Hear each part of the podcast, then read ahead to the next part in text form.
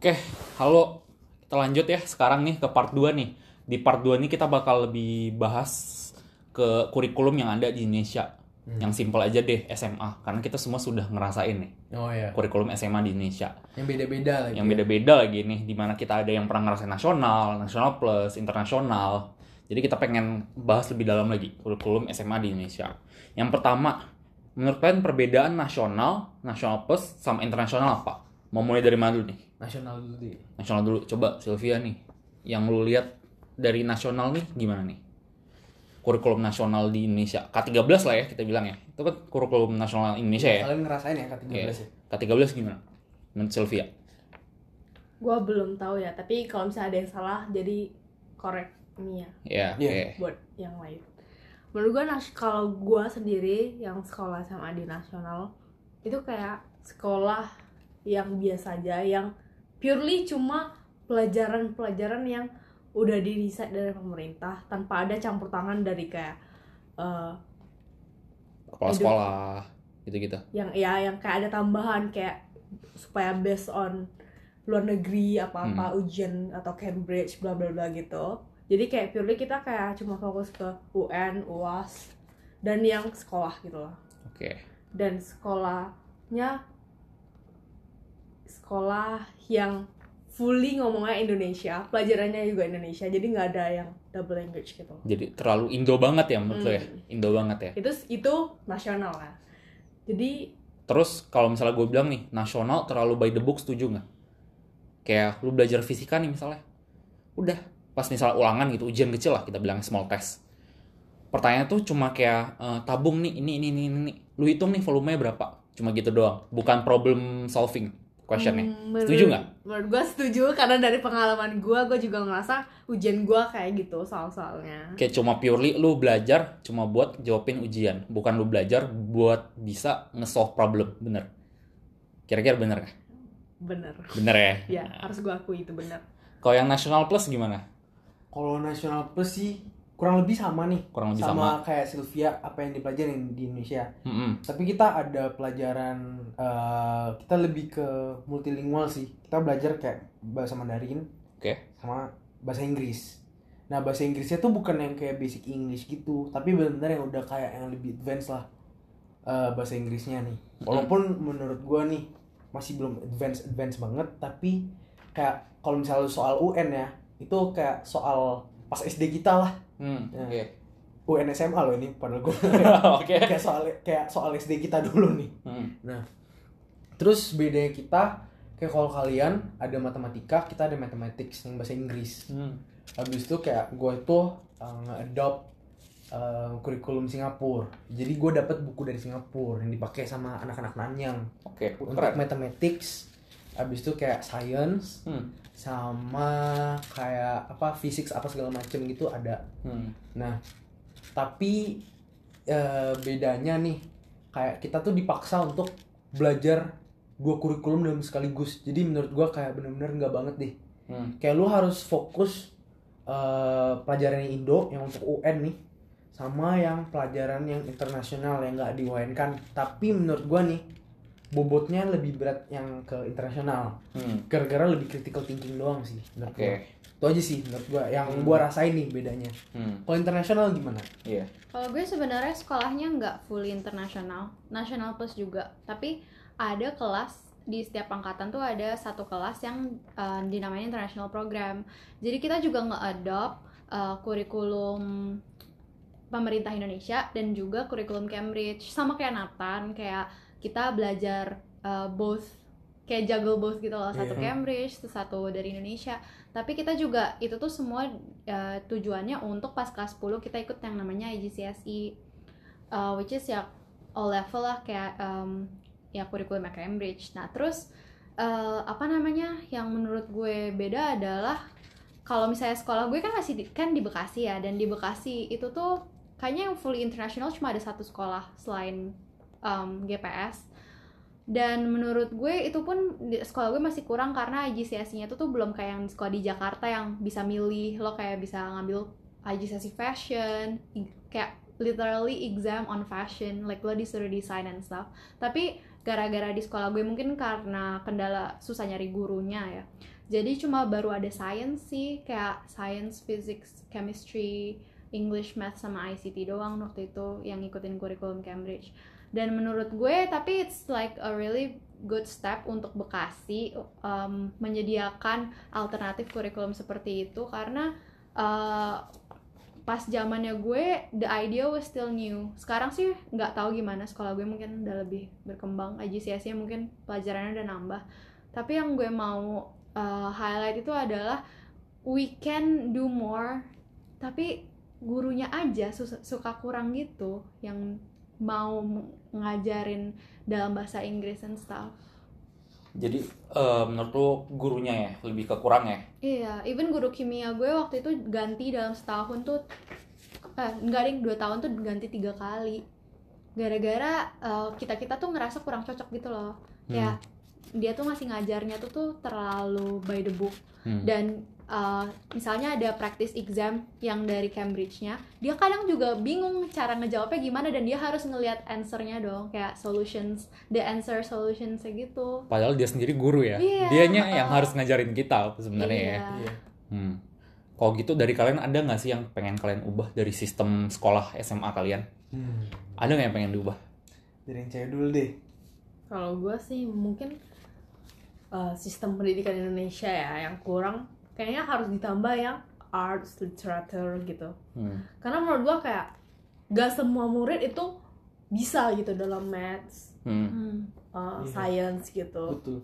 Dan menurut aku kadang ada murid yang artsnya bagus banget tapi mathsnya enggak. Sedangkan di Indo cuma di provide maths gitu loh.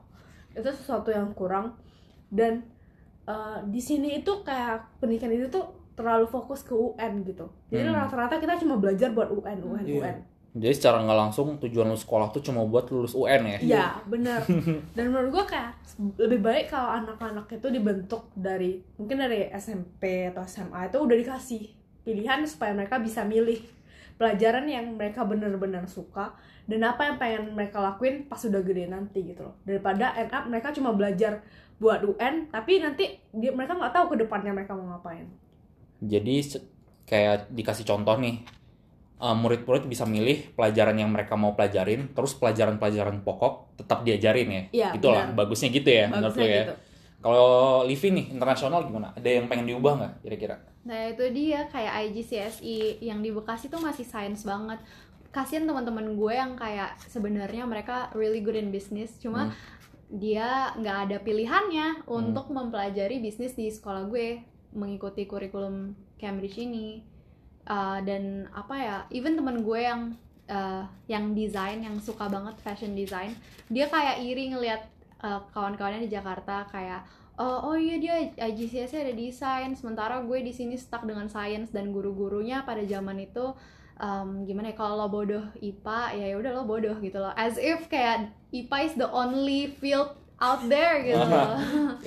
Kan kasihan ya. Tapi untuk kurikulum Indonesia nih, bukan cuma Bekasi doang. Iya. Overall di Indonesia gimana menurut kamu? Ada yang harus diubah nggak? ya menurut gue UN itu tuh terlalu ngerestrik anak-anak sih Hmm. jadi menurut lu nih pendapat tuh ya, ya personal opinion, sebaiknya UN dihapus atau tidak? Ini kan topiknya panas banget ya. Hapus. Ini pana- hapus. panas banget ya topiknya. Menurut lu hapus. nggak nih, Liv? Gimana? kalau personally menurut gue sih kayak dihapus iya Dihapus iya? Iya. Kenapa? Karena bisa disubstitute sama other subjects yang uh, apa ya lebih mencakup banyak hal gitu loh. Anak-anak tuh tuh menurut gue dari zaman SMP tuh harus diekspos ke a lot of different things. Jadi nggak stuck cuma IPA fisika kimia gitu. Gimana kalau misalnya dia tuh emang suka di desain karena Hmm. kadang-kadang orang kayak emang emang otaknya tuh nggak di math bener-bener nggak suka aja kayak this is not me gitu. Tapi tetap dipaksa dan kalau misalnya eh, nilainya jelek suka dikucilkan gitu kan. Hmm. kayak aduh kamu remet mulu lah bla bla bla. Goblok kan anaknya kan jadi ngedown Oh. gitu. Kesannya kayak oh my god kok gue kok gue gini gini banget gitu. Padahal bisa aja ada other field yang emang dia good at gitu. Hmm. menurut gue sih coba di add hmm, subjek-subjek yang lain yang bisa mengasah anak-anak ke field yang mereka emang passion passionate at gitu Kayak contohnya arts, design, Iya. fine arts, Iya. dance, contemporary dance gitu ya. Mm-mm, Tapi pertanyaan gua nih buat kalian semua nih. di Indonesia ada nggak sih infrastrukturnya untuk pekerjaan seperti itu apalagi di luar Jakarta ya Hmm. kalau ada di Jakarta belum tentu ada di Iya. daerah-daerah nih. Hmm. menurut kalian gimana ada nggak menurut gue tuh salah satunya alasan nggak ada ya karena sebenarnya nggak dikasih kesempatan gitu loh karena sistem pendidikan kita aja tuh sangat mengedepankan matematik math science Iya. physics chemistry something like that lah itu Di sangat overlook. di, di overlook banget Iya. jadinya apa eh, bidang-bidang kayak arts bahkan gue sendiri yang suka movie making ya itu sangat di overlook banget kayak misalnya gue hobi bikin film oh gaya lu mau jadi youtuber gitu doang padahal Iya. film itu punya meaning yang sangat-sangat dalam menurut gue tuh. Jadi kayak karena sistem pendidikan aja udah kayak gini ya, mau gimana dong infrastrukturnya nggak bisa ada. Karena dari kita SMP aja udah ditanamin lah di otak kita kayak paling penting adalah science, maths dan itu itulah gitu. Itu yang paling penting. dan di- mereka adalah pelajaran kita. yang di UN kan Nah, itu pula yang pelajaran yang diuliankan. Berarti bisa dibilang kalau misalnya kita semua setuju nih sepakat kalau UN harus dihilangin ya Gue setuju. Sylvia setuju nggak? gue sih setuju ya dengan misalnya dihapusin kan berarti anak-anak yang passionnya di desain di arts Hmm. itu bakal bisa ada kesempatan gitu Buat lebih nge-explore Nah. lagi ya. ya benar daripada cuma fokus hanya untuk lulus UN gitu Iya, soalnya satu lagi nih masalah. Lu kalau mau dianggap lulus SMA harus lulus UN. Iya, kalau misal lu jagonya fashion design, tapi kan UN isinya matematika, Iya, IPA sama bahasa Inggris sama bahasa Indonesia. Lu mau gimana dianggap lulus SMA? Iya. Kalau lu cuma misalnya emang passion di fashion design. Tapi karena lu nggak lulus UN, lu nggak dianggap di Indo. Gimana? Gimana infrastrukturnya mau develop kalau bidangnya sendiri di overlook? gitu? Hmm, setuju. tapi masalahnya nih ya kita bicara di Indonesia nih ya Iya. kita nggak tahu nih di luar gimana Indo lah gitu bilangnya. Indo ya generasi-generasi atasan kita Hmm. boomers ya Hmm. atau X atau apa Orang tua kita ya, kita orang bilangnya. tua lah dan pemerintah lah bilangnya itu tuh benar-benar nggak ada apa namanya nggak ada respect terhadap pelajaran-pelajaran seperti itu Hmm. kayak contohnya kalau misalnya nih lu bilang lu mau jadi desainer desainer baju gitu contohnya Hmm. anjir lu mau ngapain mau jadi apa Tukang jahit. katanya gitu. Hmm. atau kalau misalnya lu mau jadi ambil musik deh lu mau jadi pengamen Hmm. kayak gitu pasti diarahinnya bisnis lah hukum lah IPA lah apa segala macam itu nah menurut gua ada benernya sih kenapa ada benernya soalnya gua nggak yakin Indonesia tuh bakal bisa ngebuat infrastruktur sebagus itu Hmm. gitu loh Oke. soalnya oke kita bilang kita mengubah dari hal yang paling fundamental nih which Pendidikan. is education Hmm.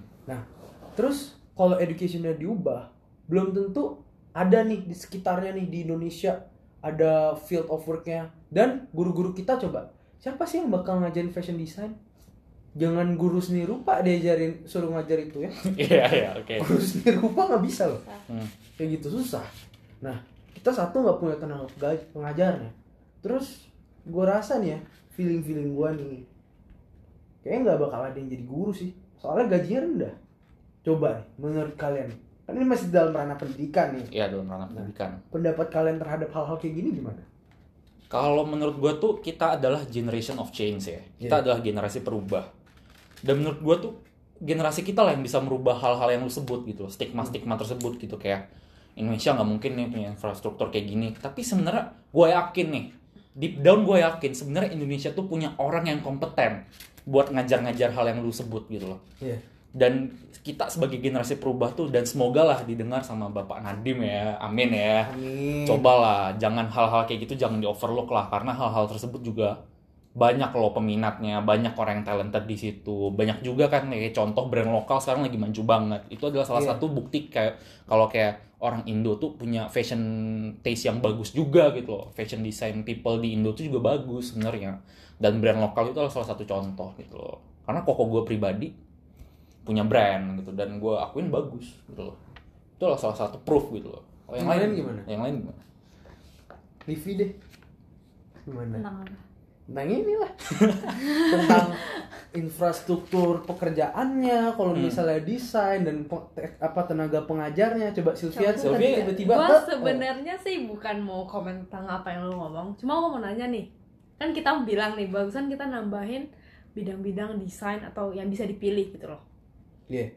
Kalau gitu pasti ada nih orang yang bakal bilang ya udah lu masuk SMK aja ngapain lu masuk SMA Oh, kan iya. SMK ada yang tata boga tata busana Gimana nih menurut kalian?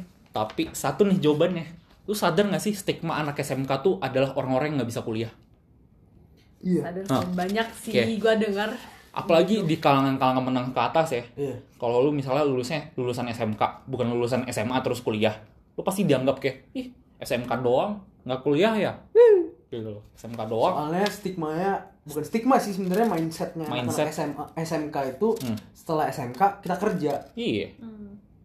Nah balik lagi kayak yang di part 1 kita bilang untuk apa kuliah? Mending gua cari duit. Hmm, makanya Gitu. banyak juga statement yang gitu.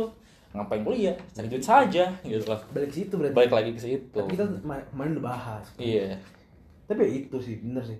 Tapi menurut gue tetap butuh loh. Maksudnya kayak not only in SMK, in SMP, SMA juga butuh.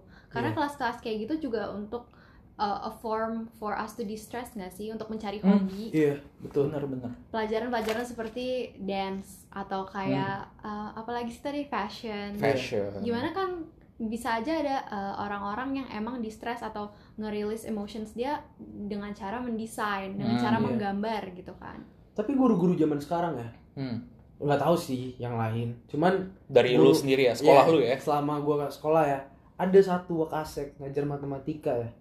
Dia bener-bener nggak respect pelajaran seni rupa, seni budaya, seni musik dan dia menurut dia itu pelajaran yang ya elah klise banget sih buat kalian kalian nggak penting ini mending belajar matematika aja. Sampai kayak waktu itu kita upacara nih, kan pelajaran matematika dia keambil 30 menit. Dia sampai bilang kayak ya udah gua ambil aja seni rupa itu 30 menit. Nggak penting. kan iya nggak penting. Lebih penting kita. Duh, itu Coba. tuh salah Berarti satu kita harus reformasi guru-guru juga dong. harus reformasi juga. Tapi apakah ada generasi kita yang mau jadi guru? Lo lagi berat, guru tuh udah dianggap sebagai job yang Paling rendah sorry to gitu. say ya, rada kelas bawah ya, Iya. bisa dibilang ya, sorry to say. Iya. Nah, ya, susah juga gimana nih menurut kalian? Susah, susah juga pasti ada orang yang bakal jadi guru karena Hmm. pasti ada lah orang yang mau ngerubah dan ngajarin anak-anak itu satunya Hmm. walaupun gue tau pasti nggak banyak gitu Mm-mm. tapi menurut gue menjadi seorang guru itu lebih bagus kalau mereka itu di training gitu di Hmm. training sebelum diletakkan untuk ngajar anak-anak gitu karena Iya. masih kita pasti pernah kan ketemu guru-guru yang kita merasa apa sih gitu kalau nih orang cuma tahu teori doang tapi nggak bisa ngajar Iya, ya, betul. bisa dibilang gitu ya. malahan kadang ada guru yang kita tanya pertanyaan malah di malah dimarahin ngapain sih nanya pertanyaan gak penting padahal Hmm. itu kan sesuatu yang bagus ya kalau muridnya ingin tahu gitu loh dan mungkin gurunya nggak tahu jawabannya Tapi gengsi ngakuin. iya menurut gue sih Gitu. gitu makanya itu kayak perlu banget training antar guru dan kalau bisa itu kayak uh, ada waktu konstan gitu kayak per bulan guru-guru harus dikumpulin dan mereka harus dilatih gitu gimana cara nanganin anak-anak dan gimana mereka harus update tentang pelajaran yang diajarinnya Jadi kayak guru tuh harus menjadi sebuah certificated job ya. Iya. Biar karena guru tuh adalah sesuatu yang fundamental juga ya di sekolah kan. Soalnya Bagi- itu untuk kemajuan bangsa kan. Untuk kemajuan bangsa juga. Guru tuh berperan penting juga kalau di kemajuan bangsa. Dan Dan gue setuju. harus lebih dari Eh menurut gue gajinya juga harus lebih dan mindset guru tuh adalah pekerjaan kelas bawah tuh harus dihapus. Iya. Minimal double digit lah. Ya gue nggak bisa bilang harus double digit tapi ya setidaknya tidak serendah sekarang lah. Iya. Soalnya gue banyak ngeliat lah ya eh, guru-guru di sekolah gue gajinya cuma UMR doang gitu Tiga kayak. setengah kan? Iya makanya kayak makanya kayak gue juga geleng-geleng kepala gitu. Ini adalah guru. loh. Guru tuh bisa dibilang kan pahlawan tanpa tanda jasa gitu. Loh. Masa lu pahlawan cuma dikasih upah 3,5 gitu loh. Bisa lah dinaikin UMR lah kalau bisa untuk guru. Tapi Soalnya saran- ini adalah uh, orang-orang yang apa ya menemani anak-anak selama berjam-jam iya.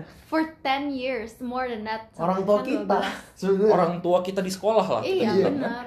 Kadang-kadang aja kalau misalnya ada sekolah gue dulu yang dari jam 7 sampai jam 4 kayak gue sebenarnya lebih sering sama guru gue daripada, Daripada sama orang tua. iya Betul. sama orang tua gue di rumah. Di rumah paling cuma ketemu makan dan tidur. Tapi gue ada satu saran nih buat Hmm. guru-guru di Indonesia, buat kurikulum di Indonesia ya. Cobalah undang guru-guru dari luar itu Hmm. masukkan ke dalam sekolah-sekolah. Hmm. Jadi kan kita banyak nih, kan kita ada kerja sama ASEAN lah, kerja sama sama Uni Eropa lah, apalah segala macem. Cobalah ambil guru-guru dari situ. Outsource dulu sebentar untuk menjadi supervisor. Hmm. Soalnya tidak bisa dipungkiri pendidikan kita jauh banget di belakang. Oke. Janganlah kita bilang antek asing lah, antek Cina lah, atau antek-antek apalah itu. nggak usah bilang gitu kita rekrut dulu mereka nge-hire mereka mereka minta supervise Hmm. tapi kalau misalnya mereka merasa di atas angin ya kita coret gitu loh kayak gue tuh ada dulu guru-guru Filipin Oke. a team of guru-guru Filipin untuk eh, mengajari eh, science math Hmm. yang bahasa Inggris ya habis itu a team of eh, guru-guru dari Cina juga nah itu bener-bener em, membawa guru-guru nasional kita untuk maju gitu loh Hmm. soalnya mereka memberi input mereka juga ngasih tunjuk cara mengajar mereka soalnya gue gue mengacungkan dua jari jempol nih buat guru-guru dari Filipina ya menurut Hmm. gue itu adalah guru-guru yang gue bisa bilang orang tua di sekolah Yang bisa benar-benar Iya. dianggap inilah Iya, contoh instead orang tua of- yang baik ya. iya instead of guru-guru nasional yang kerjanya nge-undermine gue terus Kayak misal lu remedial, ah bodoh Iya. lu gitu. Ngapain Iya, lu remedial terus nggak belajar ya? Gitu, dan gitu terus mereka ya. nggak ada respect gitu loh sama Hmm. kayak pelajaran-pelajaran distress yang kalian bilang tuh Hmm. dan sebenarnya ya kalau kita bisa bilang ya matematika kan ya kalau oke lah kita matematika dasar bakal membawa duit gitu loh. Hmm. tapi matematika kompleks ujung-ujungnya lu cuman apa jadi matematikawan kalau misalnya kita desain atau misalnya musik justru bisa membawa duit yang lebih banyak nih kalau misalnya kita bicara income ya Iya. kan boomer selalu bilang kan harus Ah. mencari pekerjaan yang menghasilkan Iya.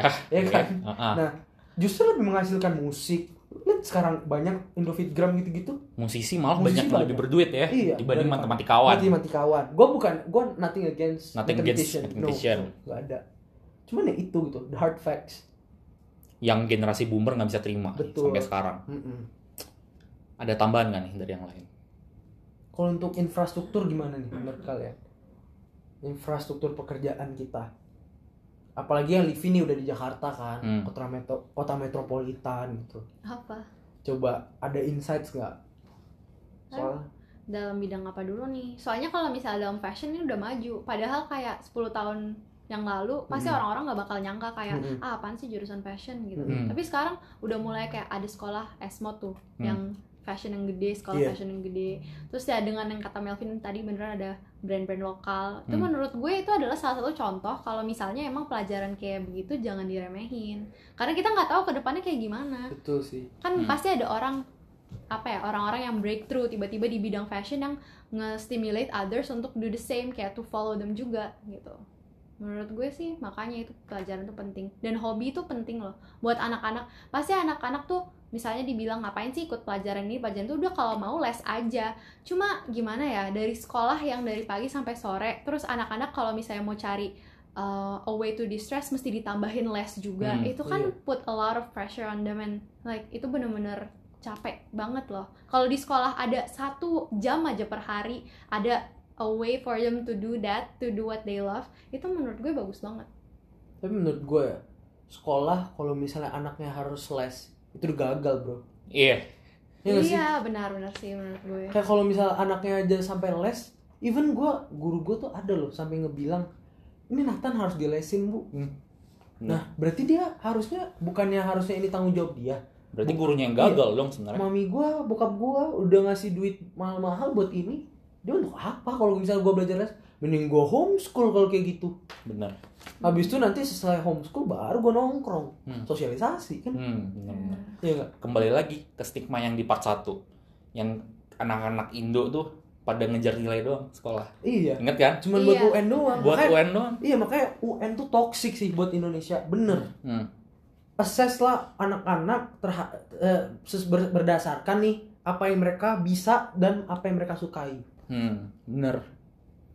Kalau gitu sekolah tujuannya apa? Kalau misalnya di sekolah lu harus butuh les lagi. Selesai Iya. sekolah malah butuh les lagi. Udah Tujuan gagal. sekolah lu apa? Iya. Kejar nilai doang. Iya. Kan buat belajar. Udah Sekolah gagal. apa? Tempat kita buat mencari ilmu katanya. Tapi kenapa gue butuh les lagi buat cari ilmu lagi? Kalau Iya. gue udah sekolah gitu loh. Belum lagi bimbel untuk UN. Hmm, Itu beban banget loh buat anak-anak. Hmm. Untung gua nggak dimasukin ke bimbel ya. same. Gue sih bersyukur banget Iya, gue gue gak dimasukin ke Gue situ. masih nggak harus dimasukin bimbel. Cuman buat anak-anak di sana gimana? Mau coba kejar PTN Hmm. harus ada UN apa segala macem. Kasian banget. Kasian banget bro. Harus Hmm. pulang jam 10 gue aja macet. iya gue aja dulu nggak ngejar PTN nih gue masih SMP ya Iya. UN aja gue bimbel dari jam 7 sampai jam 9 malam Tuh. sekolah Iya. gue udah se- selesai jam 4 sore terus gue jam jam jam 7 sampai jam 9 harus les lagi wah Iya. capek banget sih kita kan bukan mesin gitu loh Bener. Bukan mesin. Ini hitungannya di sini aja juga anak-anak umur 13-14 tahun wah. udah dipaksa kerja rodi. Iya. Bisa nih buat tagline nih kita bukan mesin. Kita bukan mesin. Iya. Iya. makanya tuh lah Indonesia. Kalau misalnya nih ada anak-anak dari kementerian atau dari apa PNS yang mengenai pendidikan yang coba kebetulan lah. mendengar ini. Iya kebetulan mendengarkan ini. Coba lah kalian reformasi dulu kurikulum kalian struktur pendidikan kalian soalnya kita di sini udah merasakan dan kita menurut kita ini useless lah UN ini useless banget Tapi gini deh, kalau misalnya sesuai apa yang kita omongin, UN itu kita mau hapusin. Hmm. Nanti pasti pemerintah nanya, gimana kita mau mengukur standar edukasi Indonesia kalau UN dihapusin? Nah, itu dia. Makanya kalau misalnya nih anaknya pas SMP nih misalnya contohnya Hmm, nih, oke dia ngambil em, arts Hmm. sebagai dia punya primary-nya nih Hmm. dan dia disokongin dengan English, bahasa Indonesia. yang penting-penting ya lah ya. PKN lah, itu kan budi pekerti itu penting. Hmm, Agama itu penting. pelajaran core yang penting banget lah Iya, pokoknya matematika oke lah. Tapi matematika dasar ya nggak usah lu harus sampai expert gitu. matematika yang sampai matematikawan jangan iya, ya jangan. Hmm. Nah, dia udah di assess lah istilahnya oh nih anak kayak IGCSE lah. Hmm. Kan dia ada sistemnya juga. Hmm. Nah, sama halnya kita terapkan di situ. Gitu loh.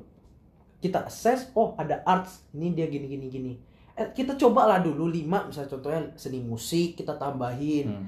arts habis itu misalnya contoh apa apa komputer coding tuh juga penting loh Hmm. coding gitu. Nah, habis itu mereka di assess dari sini gitu loh. Nah, dari lima ini nanti tambah lagi lima. Besok apa lagi? Lima lagi gitu. Hmm. loh. oke oke Dikurangin lah yang nggak penting nggak penting itu. Trim the fat hmm. bilangnya. Kalau kata Gordon Ramsay. Nah, iya. Babang Gordon. kalau gue ya balik lagi gue sering ngomong ke orang kepintaran itu kan subjektif Hmm. balik lagi kan Hmm. gue passion nih misalnya gue di matematika passion gue Sylvia passionnya di desain masa kita dinilai harus dengan di field yang sama masa kita nih passion gue di matematika passionnya di desain tapi kita disuruh kerjain soal biologi mana terukur kepintaran kita gitu loh Mana gue tahu Mana gue tahu yang biologi gue belajar matematika tiba-tiba disuruh belajar sel kulit gitu Cuma loh tahu anatomi tubuh doang. makanya balik lagi lu sebenarnya tuh kepintaran tuh subjektif banget menurut gua nggak bisa diukur tiap orang tuh kepintarannya beda-beda balik lagi kan talent orang tuh beda-beda gimana mau ngukur pakai hal yang pasti gitu loh Hmm. balik lagi kan gitu Setuju ya semua ya. setuju kan Hmm. Setuju. jadi kayak eh durasi. Durasi. Jadi kayak untuk episode satu ini udah lah ya panjangan ntar. Ntar Sebenarnya bisa panjangin lagi cuma gara-gara durasi. durasi ya. Tapi kalau misalnya viewers mau viewers apa, mau listeners, listeners, listeners ya. Listeners mau lebih dalam lagi. Ada yang request kita jabanin. Kita jabani. kita jabanin kok. Siap. jadi buat episode 1 kali ini sekian dulu ya. Thank you buat yang udah listen sejauh ini. Soalnya ini video lama banget loh. Berarti Iya. kalau kalian udah dengerin sampai habis Terima kasih. thank you oke kalau gitu kita pamit dulu ya Eh Thank you. bentar, oh gue mau kasih klarifikasi dulu nih. Apa? Sebelum nanti tiba-tiba ada yang cecer kayak kalian dapat data dari mana? ah Gitu oke kan. oke Ya kita bilang aja kan kita kan punya teman-teman yang kuliah di Indonesia. Mm. Majority teman-teman kita kuliah di Indonesia gitu. Mm. Jadi kayak kita udah nanya-nanya sama mereka, kita juga udah ngelihat mereka gimana. Hmm, Habis itu kayak kita juga SMA kan kita udah merasakan. kita gitu. merasakan sendiri lah ya Iya. Kalau misalnya kata kan sudah berubah Indonesia, wah lebih bagus kalau kayak gitu. bagus deh kalau gitu malah kita seneng dong kita kan Iya. orang Indo Betul. seneng lah makanya. Kita di sini cuman mau membawa nih anak-anak muda Indonesia move forward. forward lebih berpikir lagi berpikir Yoi. Forward kan ya soalnya kita di sini kan cuma mau nyampein keresahan kita aja Iya, loh ini yang kita pikirin kita. selama ini keresahan-keresahan kita kita sampein di sini di platform ini Yoi. gitu loh ya udah kalau kalian mendengarkan ya bagus kalau tidak mendengarkan ya dengerin dong ya kalau gitu udah ya episode satu ya Oke. oke thank you thank you Thank you.